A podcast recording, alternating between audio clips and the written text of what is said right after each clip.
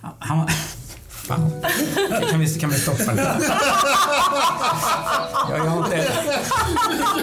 Ja, glad, vilken jävla lirare! Tjena! Mange här. Välkomna till novellskrivarnas nionde avsnitt. Och den här gången handlar det om humor. Och det är Jörgen, det är Lotta, Henrik och jag, Mange, som sitter här vid mikrofonerna och snackar. Välkomna hit! Då sitter vi här igen. Härligt. Det är en tidig lördagsmorgon för vissa. En, jag, jag går inte upp med tuppen ska jag säga. Så att, eh, det här var ju klockan nio så ringde klockan eller mobilen och tänkte nej vad är det nu? Ja just det, det, det är ju novellskrivardags. Så då, då vaknar jag till annars kan jag gärna sova till elva sådär. Men i alla fall eh, temat den här gången det är det Henrik som står för och eh, vad säger du? Ska du berätta lite grann om det? Absolut. Dagens tema är humor. Och hur kommer det sig? Ja, jag läste en artikel för ett tag sedan i kvartal.se, en tidskrift. Där Ola Wong har skrivit en artikel som heter Varför är finkulturen så deppig? Och så tänkte vi skriver rätt så här, som säger det är hudlöst, det är stora känslor och människor är med om de mest fruktansvärda. Alltså, det, våra texter, det, det har funnits rätt mycket deppighet i det hela. Och jag är ute efter det med lyckliga slut också, ska jag inflika. Så jag håller helt med dig. Ja, ja, precis. Ja, så lyckligt. ja precis. Lyckas. Ja, ja, men ändå att vi... Och jag tror att det, kulturen behöver, ska inte bara vara deppig. Ola Wånga skrev om eh, Sandberg, Sandberg, den här Vea, som är extremt deppig och nästan våldspornografisk. Men att det är det som hyllas på kultursidorna. Och, och då anpassar sig författare efter det som Ja, är inne. Men man vill för tusan ha roligt också. Ja, ja, ja. Och så såg jag i, i morse i Sörmlands Nyheter, bara en liten kort notis. Ja. Jerry Seinfeld skriver bok om komedi. Komikern Jerry Seinfeld jobbar på sin första bok om komedi på 27 år, skriver Rolling Stone. Och så tänkte jag, nu ska vi vara helt rätt i tiden och skriva om humor. Men det löste det där svenska svårmodet. För jag tror Ja. inte att, det, att det, det är svår, svårmodiga och det, det mörka är globalt. Utan det är Sverige. Det här med... Det ska gärna vara relationsdramer när vi gör film. Det ska vara Tomten är far till alla barnen som visserligen är svart komedi, mörk komedi visserligen. Men det är fortfarande en stark ton av ångest och, och tragik där. Där humorn får vara med på en kant.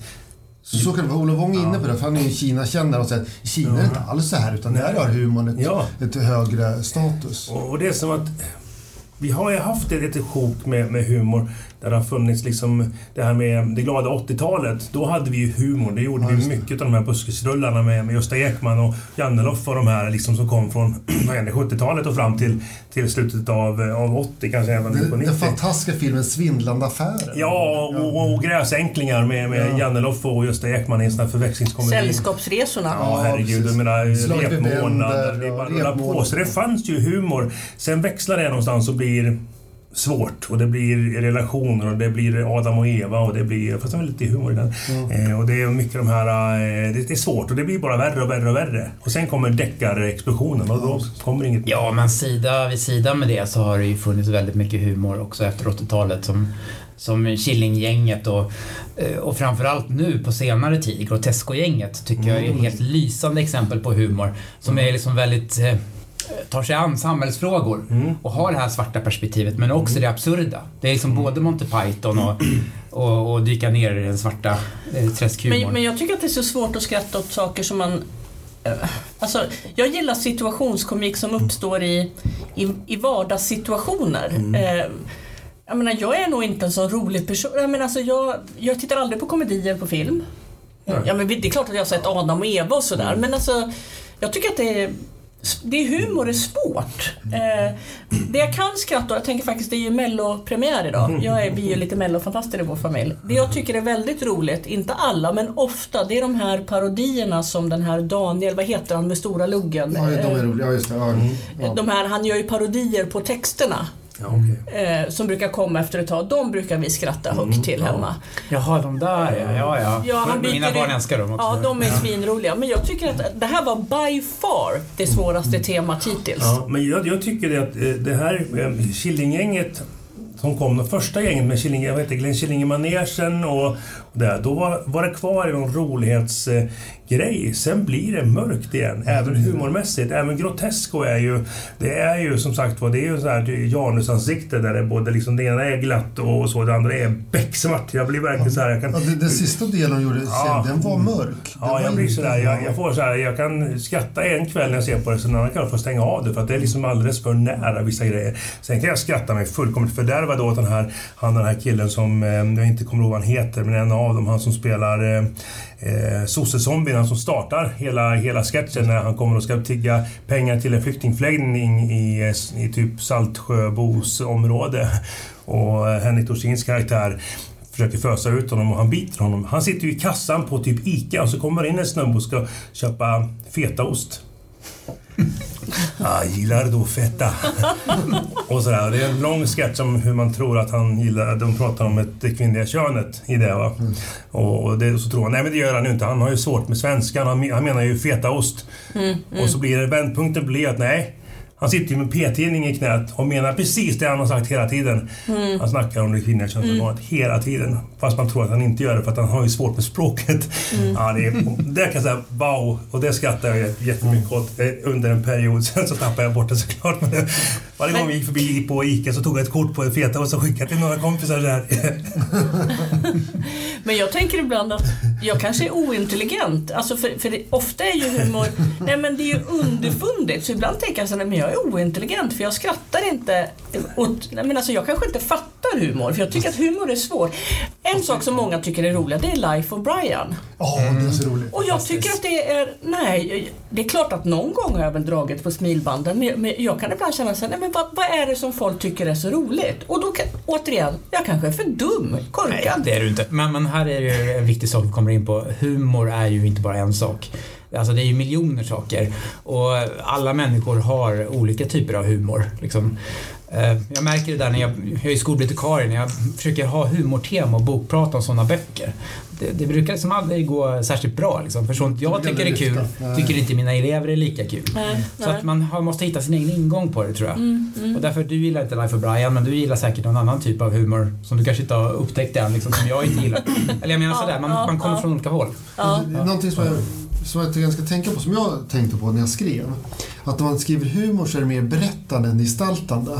Och jag tror att det är, hänger lite i genren att, Kanske det. att Ja. gestaltning är också mer, det är högre status och berättande lite lägre status. Mm. Men humor kräver ett berättande och inte gestaltande på samma sätt. Det var Du fundera båda på det, jag är inte, jag är inte klar på det hela Ja, men själv. det, jag tänker på min text som jag skrev så är den ju väldigt lite gestaltande. Den är väldigt liksom situationstvungen. Det som Ja. händer där och då måste be- beskrivas nästan kliniskt för att det ska bli liksom Ja, Eh, man vill vill plocka fram de absurda detaljerna i vad som händer i badrummet när en av gästerna då hamnar där och så vidare. Det kommer dit. Men i alla fall, eh, jag tänker, vi har väl introat eh, en, en god bit här nu. Har vi någonting ytterligare vi vill säga om humor? Eh, ska, så ska vi snart släppa över här till Lotta då som ska inleda.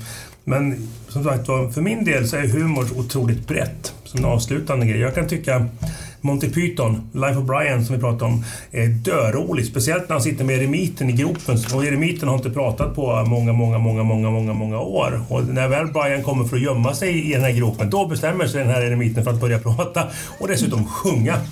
Och det kan jag tycka är skitkul. Sen har jag väl lite svårt för när de håller på och tjafsar in i den här lilla eh, typ lägenheten. eh, När de är the, the, vad är han heter? The Liberation Front of Judea. Och de kan inte komma överens om vad de heter och de håller på och tjafsar. Då kan, jag, då kan jag börja titta på annat. För då kan jag bli lite så här, "Ja, men lägg av nu gubbar.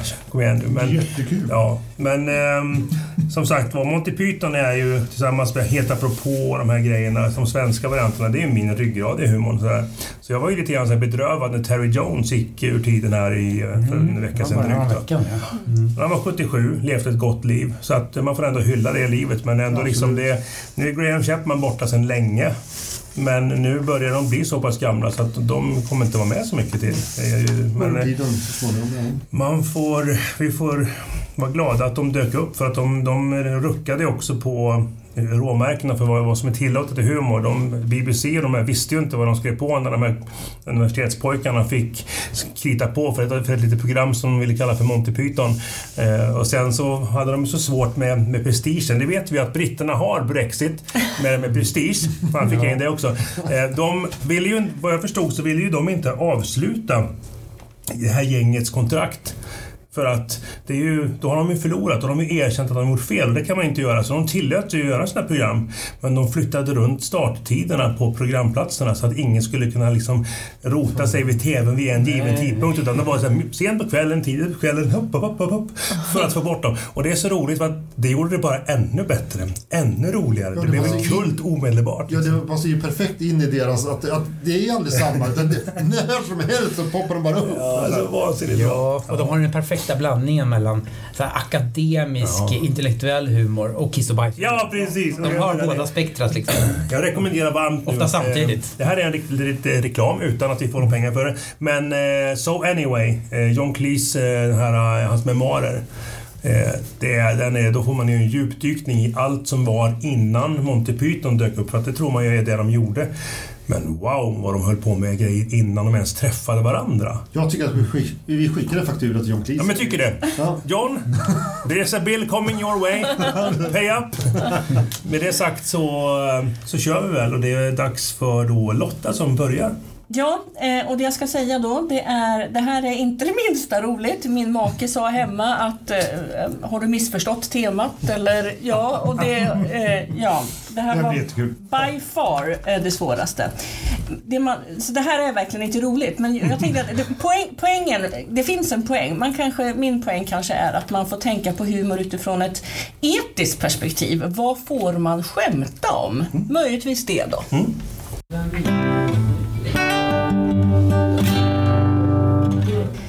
VD Jim Jameson var uppenbart irriterad. Han var högröd i ansiktet och hans hår stod på ända. Länken från hans arbetsrum i London hackade och hängde sig dessutom emellanåt, vilket ökade på hans irritation.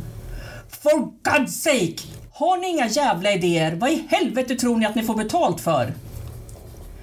Stämningen i Laughing Productions kontor i Stockholm var tryckt. De sex personerna runt konferensbordet skruvade obekvämt på sig. Alla var smärtsamt medvetna om att läget var akut. Tittarsiffrorna för deras program Skrattfesten hade sjunkit som en sten den gångna säsongen och den ekonomiska rapporten som Jim hade dragit talade sitt tydliga språk. Reklamintäkterna minskade i samma takt som den sjunkande publiksiffran. Om inget gjordes omgående så skulle de alla vara utan jobb inom ett halvår. Linnea Johansson, Head of Production, harklade sig. Jag är medveten om att siffrorna inte ser bra ut Jim. Men som du vet är publiken otrogen på ett sätt som den inte var bara för några år sedan. Vi är lika tagna på sängen som någon annan. Jag menar, skrattfestens skämt har ju fungerat fram till bara för några månader sedan och det är svårt att vi... Jim Jameson fnös och hans röst lät som isbitarna i en gin och tonic. Don't give me that shit Linny. It's your fucking job to be creative. Linnea ryckte till av den vassa kommentaren och sjönk ihop på stolen. Det blev pinsamt tyst några sekunder innan Elvis Lundell, project manager, bröt in. Vi är på gång, det finns idéer Jim, jag lovar. Eh, den senaste veckan har jag suttit i flera möten med mitt team och vi är på gång att få till ett nytt och kul grepp. Jag vågar till och med på, påstå att det är helt nydanande. Elvis tryckte lite extra på det sista ordet. Det uppstod en ny tystnad runt bordet och alla utom Elvis undvek att möta VDns blick på smartboarden. På Stockholmskontoret var alla pinsamt medvetna om Elvis alltför positiva verklighetsbeskrivning och inombords höll Linnea Johanssons frustration på att koka över. Hon kunde inte begripa att Elvis fortfarande fick vara kvar i produktionen. Han var den värsta felrekryteringen hon hade stött på under sina 15 år i branschen. Elvis var inte bara en uppblåst självgod narcissist. Han var dessutom mer frånvarande än närvarande. Hans tre ungar var ständigt sjuka samtidigt som han själv verkade dras med otaliga hälsoproblem. Sist Linnea hade kollat med personalavdelningen så hade hans frånvarosiffror legat på 50 procent. 50 procent!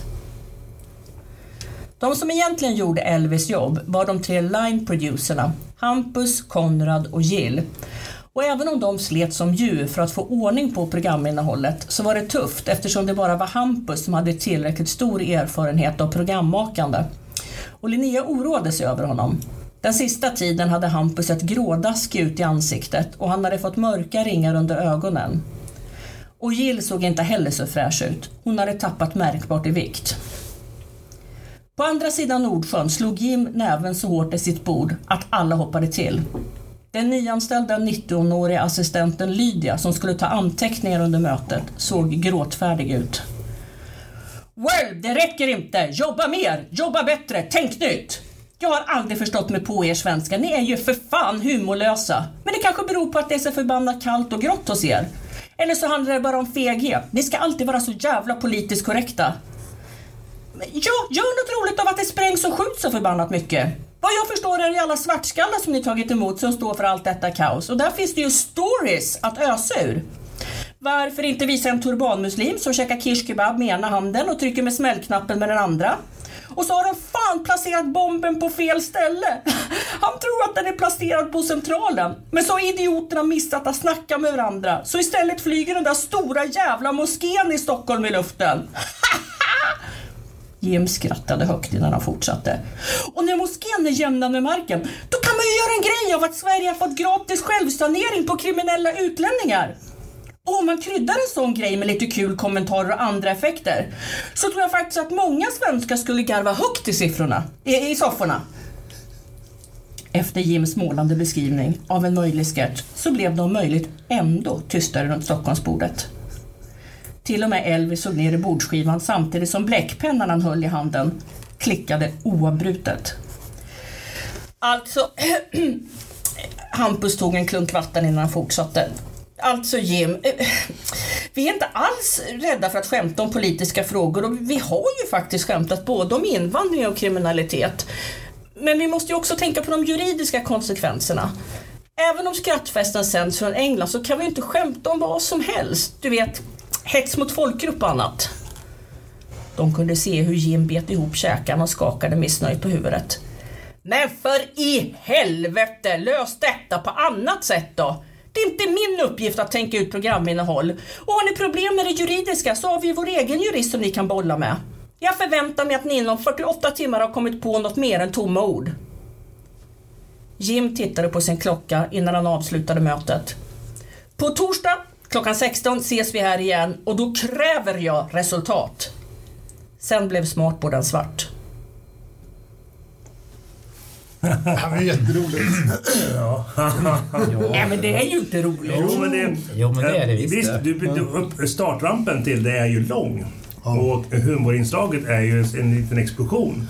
Men det gör ju att oavsett storleken på explosionen och explosionen, om man skulle se den liksom bara det där lilla på slutet, så blir den ju enorm med tanke på att den är humorlös ända fram tills att eh, producenten i, vart sitter han, USA eller England? Eller vart? England. England.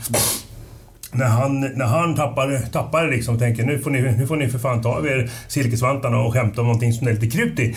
Puff! Jag menar det med bomben på fel ställen. liksom. Och sen, sen först så tänkte jag, om det här är lite meta. Att man, Ja. alltså, du har tagit humortemat och diskuterar vad är humor. Så Humor tänkte- om att göra humor. Ja, ja precis. Ja.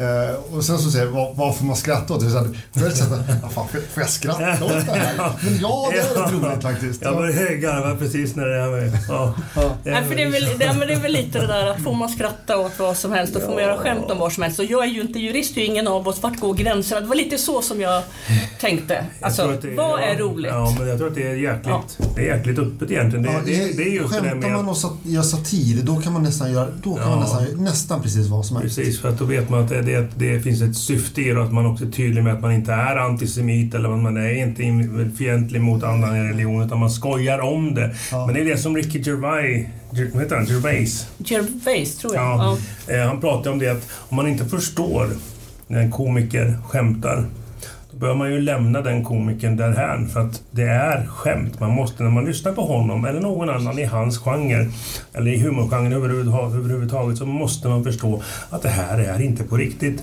Man får lyssna med lyssna på det som sägs och tänka att det här är bara skämt. Sen kan man tycka att det är osmakligt och så, men man får inte ta det för allvar för de är inte allvarliga. Ingen av dem är för att det här är påhittat. Precis och, som... Ja. Och sen så tror jag att om man inte kan skratta åt sådana här saker så, då får man ett väldigt jobbigt liv. Ja. Alltså, saker och ting, man skojar om de mest märkliga, roliga saker just för att det är det man, man skojar om. Gargantua redan på sin tid. Men Mm. Ja. man, man, drar, man drar iväg, det är det som är Ja. kul. Det, Men jag, jag gillar... Nu ska Jörgen ska få komma in här också. Lämna över talutrymmet lite grann. Eh, Jag pratar mycket här. Men skitsamma, men jag tyckte det var så... Uppbyggnaden gör ju det att... Det kan ju inte vara haha hela tiden för då blir det ju... Eh, det kan det vara, men det är en annan genre inom humorn. När det blir liksom eh, hela tiden det här, det som aldrig upphör att vara roligt. Att det är kul från start till slut. Att man får nästan pausa och sådär. Men det här är ju så skönt för att man bygger upp det. det här, man, jag känner nästan ångesten hos de medarbetarna som, som trycks ner av en fruktansvärt Demonisk Ja, man där. liksom och sen så bara poff! Jo, men det, det är precis det som är två humorelement här innan skämtet också. Den här koleriska VDn eh, och, och, och de här svenskarna som är mer eh, konflikträdda liksom. Det, det lägger ju över hela historien. Mm. Ehm, vad var det mer jag tänkte på? Ja men det här också, att- att pressa fram humor. Alltså det, jag kunde tänka mig när om Grotesco-gänget sitter och gör humor, de har nog jätteroligt. Alltså de sitter där och har galna idéer och skrattar högt. Jag vet inte om det är så, men jag har för- föreställer mig att det är så. Här är det ju tvärtom. Här är det liksom man sitter och skiter fram humor. Exakt. Liksom, och det är på väg på nedförsbacke neråt också liksom. Och det är det sammanhang han kommer in med den här eh, lite desperata men, men roliga Mm. idén. Så det Ja, tycker jag också är ja. ett humorelement i din text det där. fast det, fast det är ju också den, Ja. den gråtande clownen finns ju där också. Ja, så tänker jag lite i mitt huvud när jag skrev det här att det är, det är så fort i mediebranschen. Jag vet inte, men jag tror att ett program kan läggas ner blixtkvickt och försvinna från tablåerna om det inte levererar reklamintäkter och tittarsiffror. Och så tänkte jag här, nej men då kanske de sitter här runt Stockholmsbordet. Oj då, jag köpte ju ett nytt hus för 9 miljoner i, på Lidingö ungefär i förrgår och skrev på. Snart kanske jag är arbetslös. Och då kan det ju bli ändå, alltså vara rolig på kommando kan inte vara så lätt. Ja, jag gjorde mitt bästa. Jag tyckte att det här var jättesvårt. Gjorde det bra. Gjorde du bra? Eh, Ja, Jag, jag fick små sagt. skratthårar i ögonen där när, när jag fick, fick bilden framför mig. Hur man, eh, hur det här liksom, man ser bilden på, på en stad och så någon som sitter och käkar en, en kebab med ena handen och så trycker av och tittar på typ centralstationen. Ja, just det, ja. Och istället så här är ett annat hus längre bort som bara poff! Och, Ja. och bara äh, grabbar, det, gick- det, det gick inget bra. Fast det är det som jag brukar säga, det är stora fördelen med terrorister, att de verkar vara så jävla dumma i huvudet. Det är deras enda först, största fördel. Nej, det var roligt. För, för att bryta, ska, ska Jörgen läsa nu tycker Ja, Okej. Ja, vi kör. kör! Eh, Jörgen Leidebrant, välkommen in i... Eh, Humorbranschen. Ja, precis. Ja, precis. Sådär, har du käkat din kokosboll? Det har jag gjort. Mycket bra. Och till mitt försvar, innan jag ska börja läsa, så, så ska jag säga att jag försöker ändå skriva en tradition här. Och eh, Erik Bäckman och Joakim Pirinen är två, Just det. två absurda humorister som jag eh, tycker väldigt mycket om. Ehm, mm. Ja, vad härligt. Det är skönt att vi ändå två stycken av två här har börjat med att be om ursäkt. Eh, spännande. Jag ska fan inte göra det. Jag har inget att be om ursäkt. Ja, varsågod Jörgen.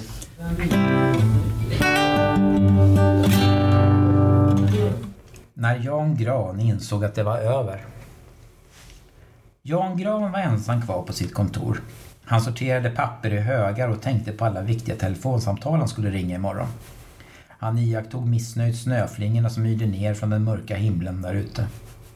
Snöfallet hade kommit överraskande efter en lång tids mildväder. Folk hade börjat förlika sig med tanken på att det inte skulle bli någon vinter alls i år. Inte Jan Gran emot. Snö och kyla var bara besvärligt tyckte han. Skrapande av rutor, halkande på isfläckar, skottande, vrålande barn i pulkbackar. Det var mycket man slapp. Och nu i februari kom fanskapet ändå. Sent om sidor. Det pratades mycket om att vädret var konstigt nu för tiden och att det berodde på vår livsstil. Inte skulle man flyga, inte skulle man shoppa, inte skulle man köra bil. Tråktramsar och domedagsprofeter var de allihopa, om du frågade Jan Gran. Alla borde veta att vädret alltid hade förändrats, pendlat hit och dit. Också innan människorna klev in i leken. Folk borde istället vara glada över att de slapp de långa, hemska, kalla vintrarna. Om Jan Grans arbete på något sätt bidrog till det, så inte hade han något dåligt samvete för det. Hans arbete handlade i korthet om att ta tillvara på det kapital som pumpades upp ur underjorden i form av gammal svart sörja. Den som man sedan tuttade eld på och förvandlade till energi och pengar. Nästan som magi. Han hade jobbat över som vanligt. Delvis var det för att han inte ville hem till frun, det ska erkännas. Jan Gran ville vara ärlig mot sig själv. Hon hade blivit så tjatig, ful och tråkig nu på äldre dagar. Lika mycket handlade det förstås om att hans jobb var så betydelsefullt. Men det kanske fick räcka nu. Jan Gran suckade av tanken på gnället som skulle möta honom när han kom hem. Han rättade till sin vita slips, strök nöjt med handen över det lena svarta kostymtyget och reste sig med en suck från sin mysiga och insuttna kontorsstol. Vägen hem, som han gått så många gånger, såg plötsligt främmande ut, förrädisk. Förbi kyrkogården, nerför backen och längs med ån där gräsänderna låg och frös stjärtvingarna av sig. Han halkade på en isfläck, såg till men återfick balansen. Februari var en skitmånad. Vid den här tiden på året brukade Jan Gran ofta flyga till Thailand med två kollegor. En viktig affärsresa, brukade han säga hemma. Men i ärlighetens namn, och Jan Gran satte verkligen en heder i att vara ärlig mot sig själv, så handlade det lika mycket om att dricka billig sprit och sätta på något sött litet luder till thailändska. Men just i år hade kärringen verkligen satt sig på tvären. Till slut gav han upp för husfridens skull. Jan Gran var ju ändå lite på kant med en av kollegorna han brukade åka med, Bertil Ek. Han hade snott till sig en kund mitt framför näsan på Bertil, som nu inte ens svarade på mejlen. Vilken jävla loser, och dessutom en dålig sådan, muttrade Jan Gran för sig själv där han gick. Nu såg han bron skymta där framme. Då var han snart hemma. I tankarna satt han redan framför TVn och myste framför sitt favoritprogram. Jan Gran älskade naturprogram, särskilt när det handlade om elefanter som det skulle göra ikväll. Plötsligt stod den bara där, jättelik och orörlig, precis framför bron. Som om den växte upp ur asfalten. Han blinkade till ett par gånger, men den stod kvar. Det borde inte vara möjligt. När den värsta chocken gått över började han bli arg.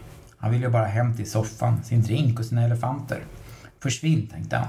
Försvinn, du ska inte vara här. Framför honom stod en gigantisk kuk. Den tog liksom stöd i pungen, eller snarare under. Till synes fast förankrad i marken pekade den rakt upp mot himlen. En riktig prakterektion. Han såg de blå ådrorna som löpte längs sidorna och långt där uppe skymtade han det lila-röda ollonet. Snöregnet och kylan verkade inte bekomma den alls. Jan Gran stod och funderade på om han skulle skälla ut kuken. Men den hade ju egentligen inte gjort något. Den bara råkade stå där av någon anledning, mitt i hans väg. Dessutom verkade den inte särskilt talbar. Jan Gran kände den fräna lukten av kön. Det äcklade honom, men samtidigt kände han en ostoppbar nyfikenhet. Han tog ett prövande steg upp på pungen. Den sviktade under hans sko. Det liksom pulserade där inne. Han steg upp helt och började slå sig fram genom snårskogen som var pungens hår. Sedan tog han av sig skor och strumpor och använde de utstående ådrorna som stöd för fötterna. Kukens hud var varm och lite klibbig. Det gick långsamt, men han tog sig uppåt. En gång var han nära att falla, men i sista sekunden återfick han balansen. Till sist satt han på ollonet och såg ut över staden. Det luktade ännu mer här uppe, men man vande sig förvånansvärt snabbt. Han kunde se ända bort till huset där de bodde. Där det eländiga fruntimret väntade på honom. Det var en märklig känsla att sitta högst upp på en enorm kuk och betrakta sin nattliga stad. Han såg något komma flygande på himlen långt där borta. Något vitt mot den svarta himlen. Det såg ut som ett fågelsträck. Det var bara det att fåglarna flög på ett ryckigt och konstigt sätt. De kom sakta närmare. Och nu såg han vad det var. Han blev inte ens förvånad längre. Det var en hel grupp med flygande kukar. De hade uppenbarligen inga ögon utan flaxade hit och dit på ett lätt panikartat sätt. Men ändå med någon sorts riktning. Som om de följde en inre kompass. Stora vita vingar hade växt ut på sidorna av kukkropparna. Nu började det hända saker med kuken han satt på. Det var som om den kände närheten till de andra kukarna på himlen. Den riste till, den skakade. Jan Gran föll men landade som tur var i pungens mjuka snårskog. Han låg på rygg och såg hur något trängde på där inne. Kukväggarna buktade. Och plötsligt öppnade de sig och han såg hur de vita vingarna vecklade ut sig som blommor. Allt gick så snabbt. Han kände att något tryckte på under pungen och så pang! Som en raket sköt kuken iväg och for över huskropparna upp i himlen. Han klamrade sig krampartat fast. Snart anslöt den sig till kuksträcket på himlen. Jan Gran såg flera han kände, klamrade sig fast vid varsin kuk. Där var Benny en, med skräckslagen min. Klasse Tall likaså, med svettdroppar i pannan och slipsen oknuten. Av någon anledning såg Lennart Lönn mest lycklig ut på sin kuk. Jan Gran hade alltid misstänkt att han var smygbög. Och så Sten Ek förstås. Han vinkade förvirrat till Jan. Allt var förlåtet. Vi sitter på samma kukar, liksom. Jan Gran riktade blicken neråt och fick se en fruktansvärd syn. Här var förklaringen till varför kukarna flydde. Upp ur ån hasade stora, håriga, aggressiva muttor. Jan Gran rättade till sin slips och slöt ögonen. Det var över. Eh, och här kommer man eventuellt som som några av våra trogna lyssnare uh, eh, kanske känna att wow, vilken härlig, vilken språngbräda. Vad roligt. Det här var ju riktigt mm, mm. eh, bra sprängstoff. Eh, så vi har eh, galna eh, invandrare och en, eh, ja. en torsk på Thailand och så vidare. Ja, Nej, och, och, riktigt kreativt, alltså riktigt kreativt. Du har tagit dig an det här temat tycker jag.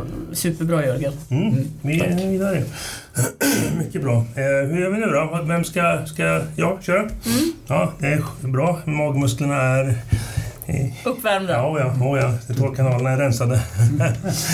ja, eh, Var hamnar vi nu någonstans då? Nu hamnar vi ju... Ja, det, det, är inte så långt undan faktiskt. Det finns, eh, det finns spår av eh, kukar i min med. Jag förstår. Men eh, av annan sort, kan man säga. Eh, och eh, precis som Lotta och eh, jag vet inte, även du Henrik så kändes det här väl kanske som en utmaning. Mm. För humor tycker jag, det kan man lätt se ner på och skriva svåra dramer istället för humor är sådär larvtramsigt. Men det här är nog svårare än att skriva deckare tror jag. Det är min känsla. Mm. Håller med. Så att jag, jag satt och funderade en kort stund igår kväll, fredag kväll. Och sen så skrev jag till verket och titeln på min min novell heter Rocky Mountain Oysters.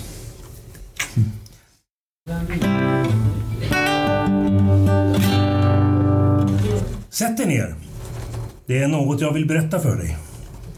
Han såg på mig med lugna ljusblå ögon som om allt var lugnt och fint. Men jag visste, alla visste, att Karl-Axel hade en räv bakom ögat. Eller var det örat? Skitsamma. Båda funkar. Om du har en räv bakom örat så är du lite klurig. Och har du dessutom en räv bakom ögat, då är du besynnerligt klurig. Det var viktigt att se sig omkring när KA ville något. Jag visste att ingen, inget var säkert. Allt var en fälla. Ett häftstift på stolen, visst, det såg man ju på avstånd och då kunde man ju enkelt tro att faran var undanröjd. Men KA hade ett helt rävgryt i och omkring sitt arma huvud. När man plockat bort häftstiftet och andats ut hände det. Man slog sig ner på stolen helt övertygad om att hotet var undanröjt och greppade kaffemuggen. KA var en magiker när det kom till att utsätta sin omgivning för practical jokes han var en demon när det gällde att se helt och hållet oskyldig ut. Han röjde inte något och rörde inte en min trots att han visste när det skulle ske. Precis när man lyft den svarta kaffemuggen och fört den mer än halvvägs till munnen för att dricka med ena ögat låst på Koa kunde något av följande hända. KA kunde ha färgat muggens kanter och när man tog den från munnen såg man ut som en halvsminkad mimartist. Han kunde ha spetsat kaffet med cayennepeppar eller laxermedel. Om man behövde låna toaletten hos KA eller om du behövde gå på din egen toalett när KA var på besök fanns all anledning till oro.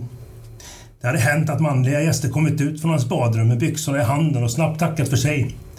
De hade såklart kissat stående och inte sett att KA spänt gladpack över toalettholken varpå en icke ansenlig mängd urin skvätt upp och hamnat på deras byxor. Det tål att sägas att antalet besökare hemma hos KA sjunkit med åren. Jag hade av någon anledning dröjt mig kvar. Badrummet var som sagt ett minerat område. Tandkrämen kunde vara kristyr, deodoranten, myggspray och toapappret var av sån art att det alltid gick sönder när du använde det. Toaborstens handtag släppte alltid greppet om borsthuvudet när det användes och klipulver kunde finnas på bomullstopsarna. Det var klokt att ha med sig det man behövde när ett besök hos KA stod på agendan. Det visste jag, men inte så många andra. KA var ju inte en hundraprocentig prankhaverist eftersom han inte var dum i huvudet. Det kunde ju gå en tid och allt var normalt. Inget hände när man hängde av sig ytterkläderna, galgarna höll och skohyllan lät skorna stå kvar. Sedan, från en dag till en annan, blev hans lägenhet till en krigszon där ingenting var säkert.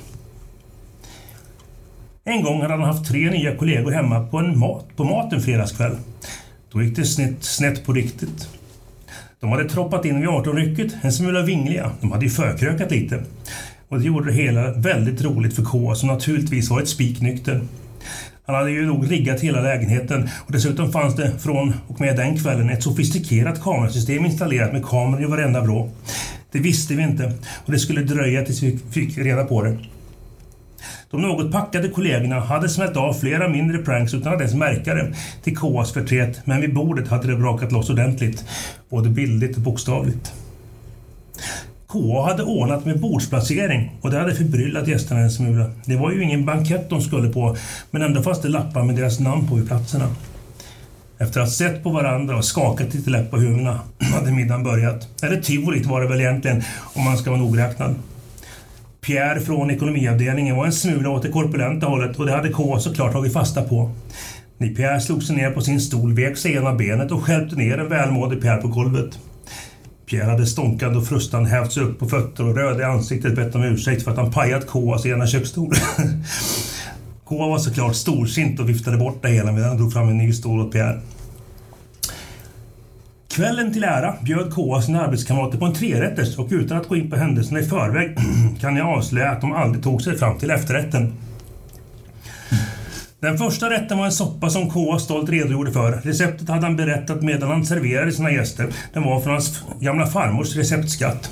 Det var mustig med grovt hackade grönsaker, något som såg ut som hela champinjoner och fint mört kött. Efter att se till att Pierre, Tom och Eva-Lisa hade fått tillräckligt med soppa hällde han upp vinet. Det var rejäla glas och gästerna såg på med glada miner när K tömde en hel flaska rött i deras teglas. De hade såklart undrat varför han inte hällde upp något i sitt eget glas och K hade ursäktat sig med att han fick sån huvudvärk av rött vin. Därför skulle han dricka öl till maten. Det första som inträffade som fick Tom att ursäkta sig och lämna middagen var det att han upptäckte i soppan. De hade slevat i sig av den mustiga maträtten när Tom plötsligt tuggat i något segt och märkligt. Konsistensen påminde honom om ostron, men det kändes fel. Det var en mörkbrun, kryddig köttsoppa som serverats, inte ostron. Eftersom han var på besök hos KV första gången och inte kände honom så väl spottade han ut matbiten i servetten i smyg. Han hade gått till badrummet för att kolla vad det var han tuggat på och när han såg vad det var kräktes han som en sjöman. Rakt ner i en gladpackförseglad toalettstol. Spyan studsade på den vänt spända plastytan och landade lite här och var, men mest i ansiktet och håret på Tom. Han hade lämnat middagen hastigt, utan att säga hej då. Vad var det han hade tuggat på då? Jo, det ska jag berätta. Han hade satt tänderna i vad som endast kunde vara en rejäl pungkula. Mm. Oklart från vilket djur den kommit ifrån, men den var skapligt stor. Påminner om en köttbulle i storlek. Det som hände sedan gick fort. Så fort att varken Pierre eller Eva-Lisa hann uppfatta att Tom tjappat. Koa dukade undan soppan och ropade på Tom att huvudrätten snart skulle serveras. Inget svar. Ah, han kommer nog snart, vi börjar så länge. Hade han sagt och plockat fram en ugnsform som var täckt av aluminiumfolie. Det doftade supergott, vitlök och örter. Från spishällen lyfte han över en stor kastrull och ställde den bredvid den avlånga ugnsformen. Är ni sugna på riktigt käk nu? frågade han och log brett.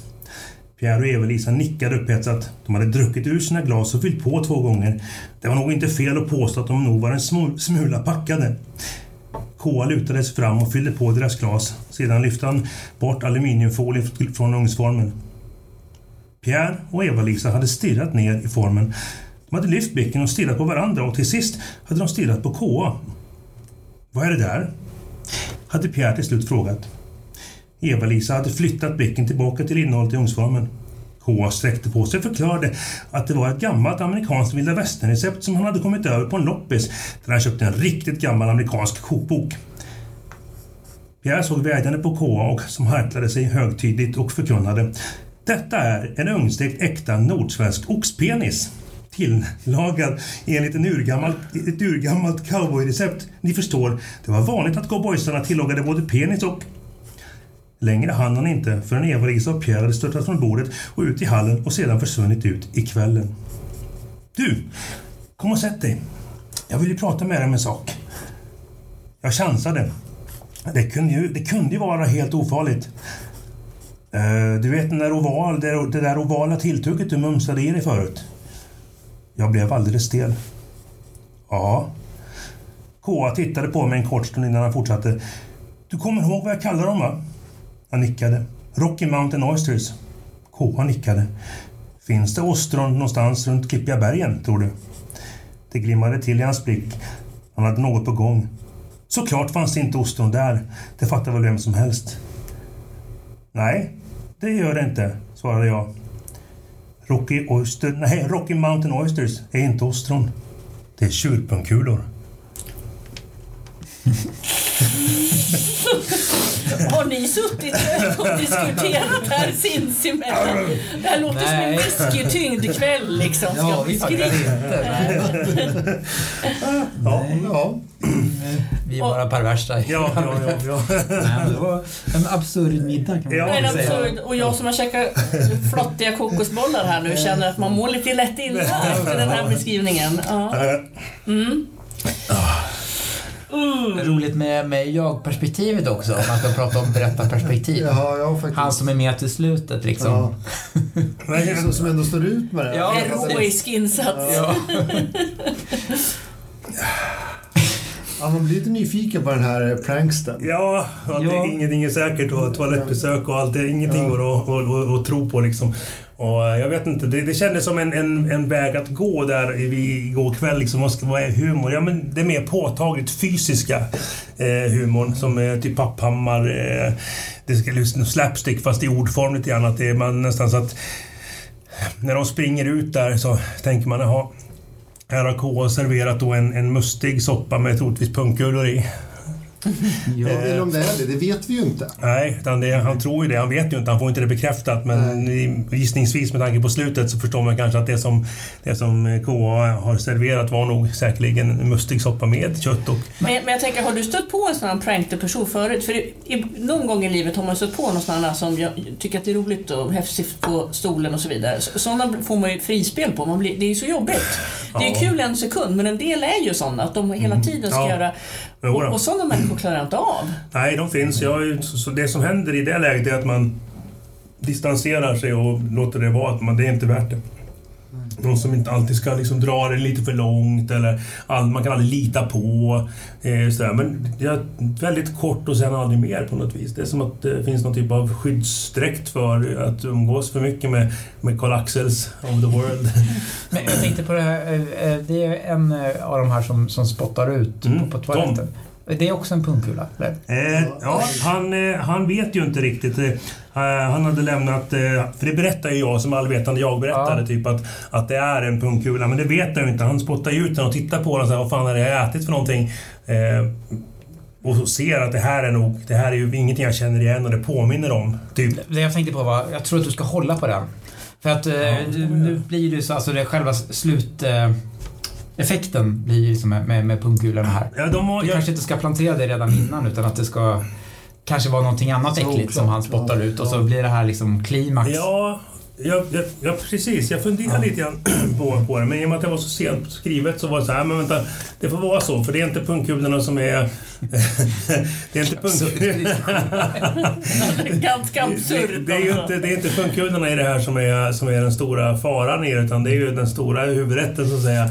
Jag var ju tvungen att få skicka iväg någon innan, så då var det ju tvungen att bli någon typ av annan. Sen gick, fick jag ju googla lite grann på... eh, Hur får man ens tag på de här råvarorna, tänker jag? Slaktad. Ja, nej, men det var liksom just den här äh, att, att jobba fram en, en situation där han då... Eh, sån här är ju Karl Axel hela tiden. I, och, och, och, och, och det som jag skriver också, hans besöken hos honom har ju liksom eh, ja, under åren minskat för att man... det Inte är- undra på, nej. säger jag. Nej, men, Ja, men, men, men precis. Man, om man går in på toa och man har varit och bajsat sådär och så ska man torka sig och så pajar ju- så är det typ så här, nästan spunnet sockerpapper. Att det bara liksom, det löses upp. Löses och så, ja, men eller hur? Och att om du ska liksom, det, ingenting funkar på det sätt som det är tänkt. Han, han är väl antagligen någon typ av eh, alltså, nästan OCD. Han klarar inte av att, att, att upp- uppföra sig. ingenting är okej. Förutom ibland, han har väl perioder då, att han har perioder med starka liksom, eh, tidpunkter där han måste pranka loss. Och då går han lös på allt. Och sen har han perioder där han återhämtar sig. Så, liksom, så tänkte jag, någon typ av prankperiodare. Men när han väl gör det så gör han det ordentligt. Han är en konstnär. Va? Eh, han, har, han bjuder hem tre nya kollegor hem till sig som, är, som kommer dit och ska ha lite mysigt fredagskärt. Ja, ja, och han, har liksom, han dricker ingen alkohol utan han, han ser till att de är lite väl påstrukna. Sådär, och sen så, så kör han liksom hela skiten med dem. Nej, så det...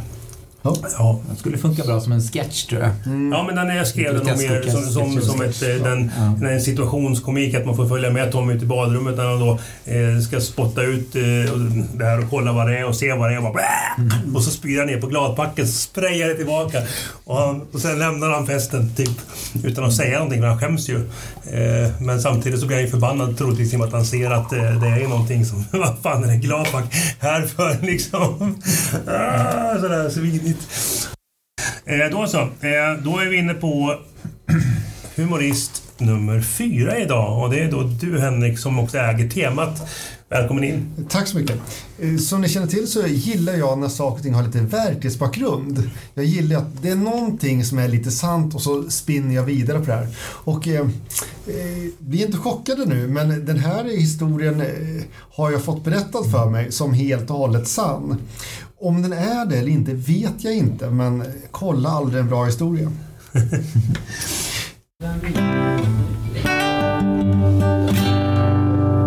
Mästerjägaren och kattan. Göran är trött på sin katt. Det är inte mer med den saken.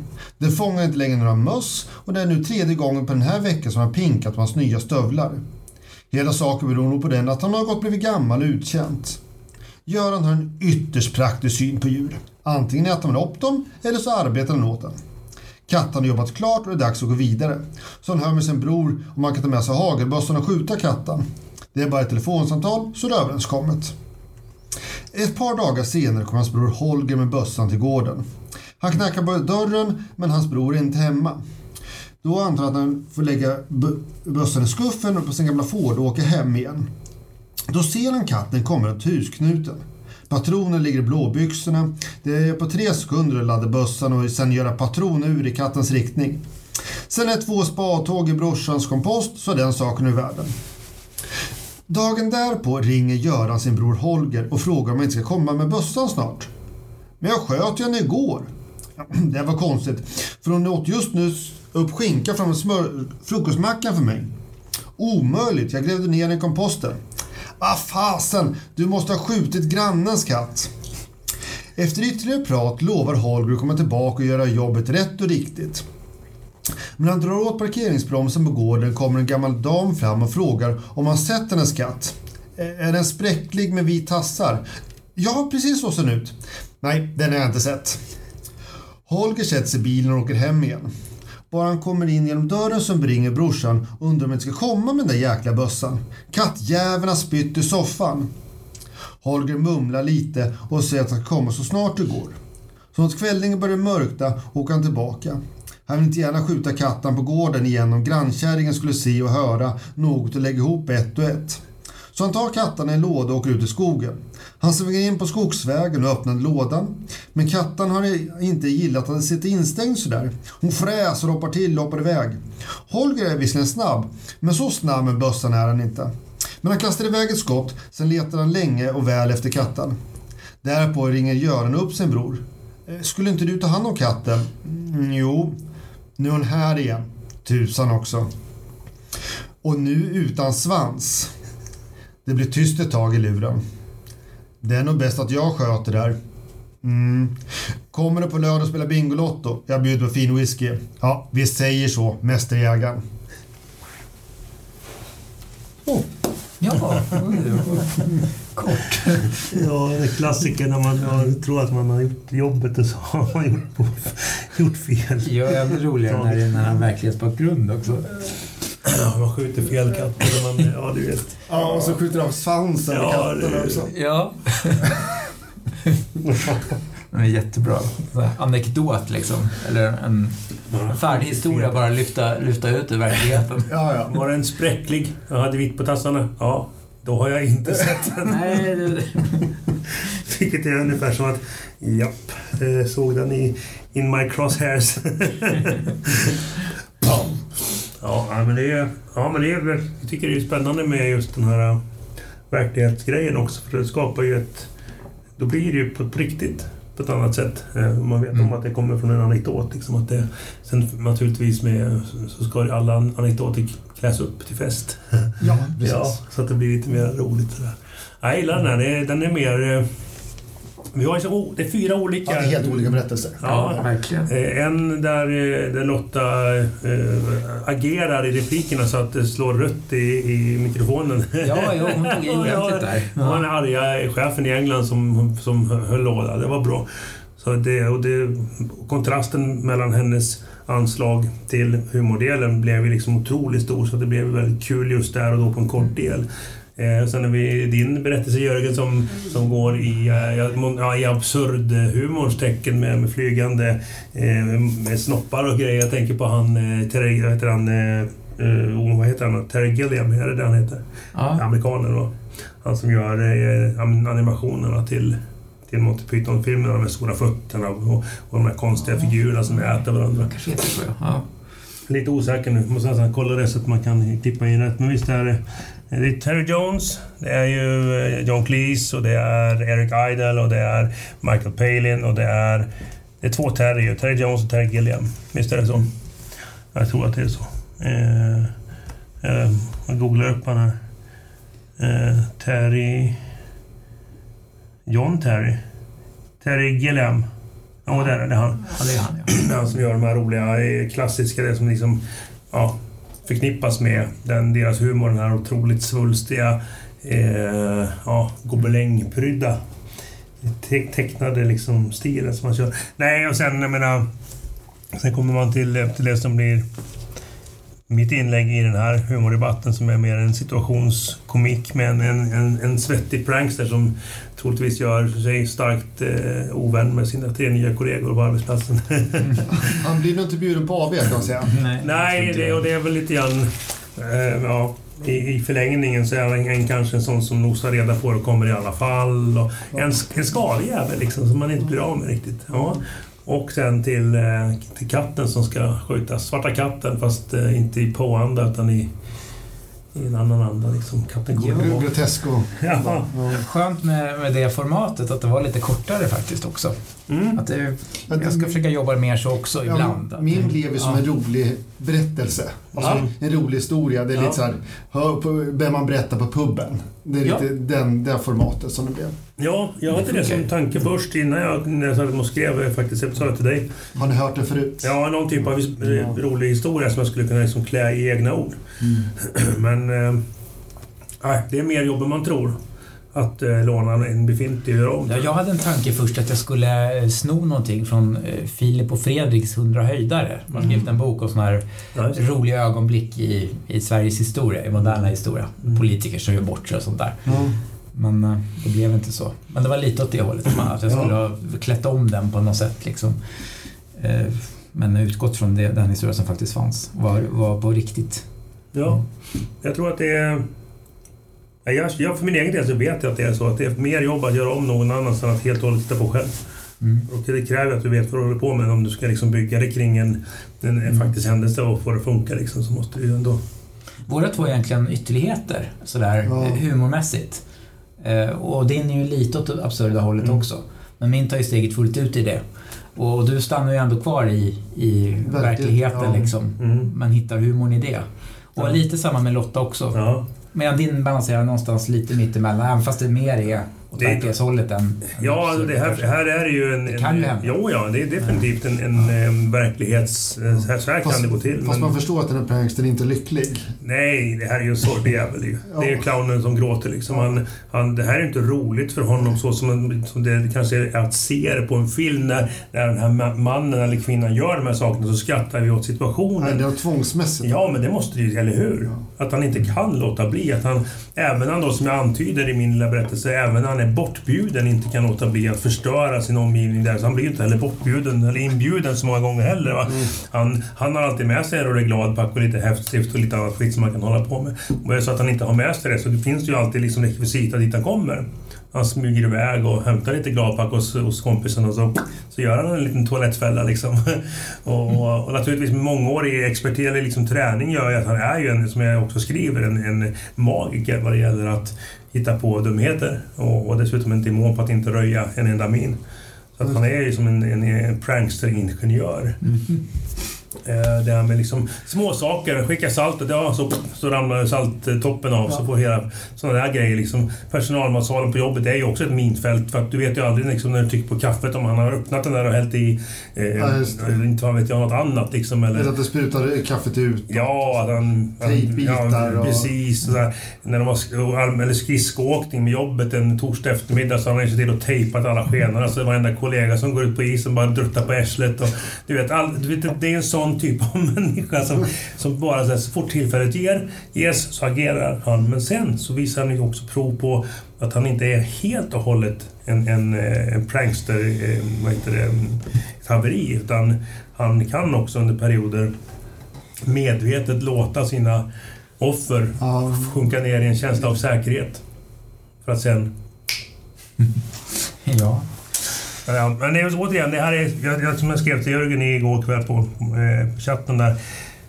Så um, från, ja, låt säga 22.30 till 12 ungefär. Så skrev jag den största delen av texten och det är ju typ 1200 ord. Sen några till efter midnatt någonstans där. Kanske ett hundratal till. Eller några fler, jag kommer inte exakt ihåg. Men skitsamma. Det är många ord skrivna på kort tid. 1400 eh, det är ju en, en sån mängd som man som författare kanske tycker är en bra mängd för en arbetsdag att jobba med. Hur jobbade du med din, eh, Henrik? Blev den klar tidigt eller? Ja, ja precis. För det, jag fick idén, den är inte så särskilt lång. Och så, så jag hade rätt nyligen fått höra den här historien. Och så ja, men jag skriver bara ner den. Så det här gick med rasande fort att skriva. Mm. Det här tog ingen tid alls att skriva. Utan jag skrev, det var så. Mm. det är häftigt också, liksom, för det här är ju någon i din bekantskapskrets ja. som du har hört. Så det är ja. liksom inte någon bok det står i. Nej, nej, Men det är bra att få ner de här historierna så att de liksom dokumenteras på något sätt. Nej, det har jag hört på ja. ett mm. eftermiddagskaffe. Ja. Jag tycker det, men det, och det gör ju att alltså, det som Lotta var inne på, som hon sa att hon tycker om eh, eh vardagssituationer som blir komiska. Mm. Eh, och Alltså jag tänker ju alltid på den här berättelsen om Gunnar på Lidarände. Känner ni till den? Nej. Jo, det är... En gammal vikingasaga, ja. eller berättelse där han, är, han har gjort sig ovän med... Med, med Gunnar typ, inne, med ja, hans yxa Ja, de har ju sådana spjutyxor. Alltså det, det är dels bladet, sen en, en pigg som sticker upp så att man både, både kan sticka och hugga. Mm. Spjutyxa. Mm. Eh, och då klättrar de ut på taket där, där Gunnar bor för att få ut honom. De vill ju att han ska komma ut och ska ha ihjäl honom. Jag kommer inte exakt ihåg, men han har gjort sig ovän med... med... Det är väl Gisle Surs och Sagar här va? Ja, så han har gjort sig ovän med någon, en stabil starke på något sätt. Jag kommer inte ihåg. Men i alla fall, är, är Gunnar hemma? Nej, men hans spikyxa är det. Så föll han död ner från taket. Sen slutar det med att de bränner ner huset med dem inne i. Eh, så det är inte så roligt. Men just själva kommentaren, är Gunnar hemma? Jag vet inte. men han blir spetsad på yxan. Ha, ska vi stänga butiken? Vi brukar vara bra på sånt. Ja, men vi, vi, stänger, vi stänger den här butiken i humorns tecken med... Jag tycker att det är modigt att vi väljer eh, eh, eh, genrer och så teman som faktiskt sätter oss i, i bekymmer. Ja, det här var ett väldigt bra temaval ja. tycker jag på det sättet att det, ja. det blev an, andra berättelser från alla, alla fyra. Ja, och vi, ja. Alltså, lika, lika lite som jag skriver skräckberättelser så skriver jag ju aldrig såna här grejer. Jag upplever dem på film och på tv-serier och sådär. Men jag läser inte humorlitteratur. Jag läser mm. ingenting. Det, det, närmast jag kommer är väl när jag läste Finn och Fiffi på herrummet. Men det är så som du är inne på där i början Henrik, att det är, och vad jag också lite var ute efter med Lyckliga slut-temat. Mm. Att, att det, det, är lite synd att det ska vara så eh, nästan lite vältrande i, alltså inte bara vi, utan så Nej. är det ju i allmänhet i litteraturen nu i mörker och ja. depressioner och, ja, familjetragedier. Ja. ja. Men jag har en teori där. Den har jag haft länge. Den, har jag, den är väl, det kan väl vara någon typ av outtake på den här diskussionen. Det är, det är ju att precis som att människan generellt tycker om att sitta i en trygghet och bli skrämd idag. Skräckfilmerna har, har, och, där, och skräckberättelserna framförallt då, eh, sträcker sig många, många hundratals, säkert tusentals år tillbaka i tiden. Vi gillar att skrämmas på ett sätt för att vi, vi sitter i en säker situation och, och blir skrämda. Och adrenalin utsöndras, flykthormon, men vi är i trygghet. Vi blir ju beroende av eh, det. Mm. Vi, vi, ja, men precis, för det är ett hormon. Så jag tänker så här att vi gillar att sitta i säkra situationer och läsa om någon annans olycka. För det får oss att känna oss säkra och vi mår bra av att ha det bättre än någon annan. Mm. Det är en annan... Det är svårare känner jag att kanske leva i det, det glada, ljusa tillsammans med någon annan. För det blir inte samma utväxling av eh, belöning på något vis. Det är inte riktigt lika eh, be, vad heter, belönande. Jag känner Nej. inte mig, det är inte riktigt lika tillfredsställande att, att se någonting som är glatt och roligt. Se bara på media idag. Liksom. Det är mycket oro och mycket hemskheter som kablas ut. Det är väldigt sällan någon skriver att, eh, eller liksom kablar ut nyheter om, om goda saker. Utan det, är det här onda, tråkiga, hemska. Har. Vi trivs i att läsa om sån skit. Det är min teori. Ja, det, jag tror att det ligger mycket i det. Mm. Och humorn är, är liksom inte... Ja, det är väl kul att det är roligt. Men det är fan inte nödvändigt. Nej, så att jag vet inte det. Eh, att kunna sitta i soffan och se när, när Freddy Krueger eh, på det glada 80-talet kommer med sina rakbladshänder eller Jason eller någon typ. Så det är, det är mysigt. Man vet ju att det händer ju inte. Det, nej. Sådär. Eh, nej, men med det sagt, med pojkar och Lotta som nu har gått så själv eh, får vi väl tacka Henrik för humorn.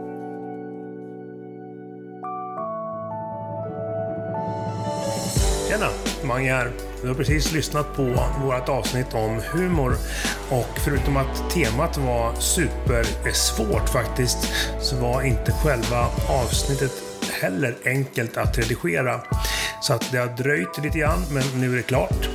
Och eh, det är Lotta, Jörgen, Henrik och jag som har kört det här avsnittet också. Kommande tema är faktiskt någonting helt annat, även om det kan kopplas ihop med humor på ett visst sätt och det är vrede. Och det är Lotta som står för det här temat. Så um, håll utkik eller örkik. Ja, hur som helst, det dyker i alla fall upp på våra kanaler Soundcloud, Spotify och iTunes. Vi hörs, tja!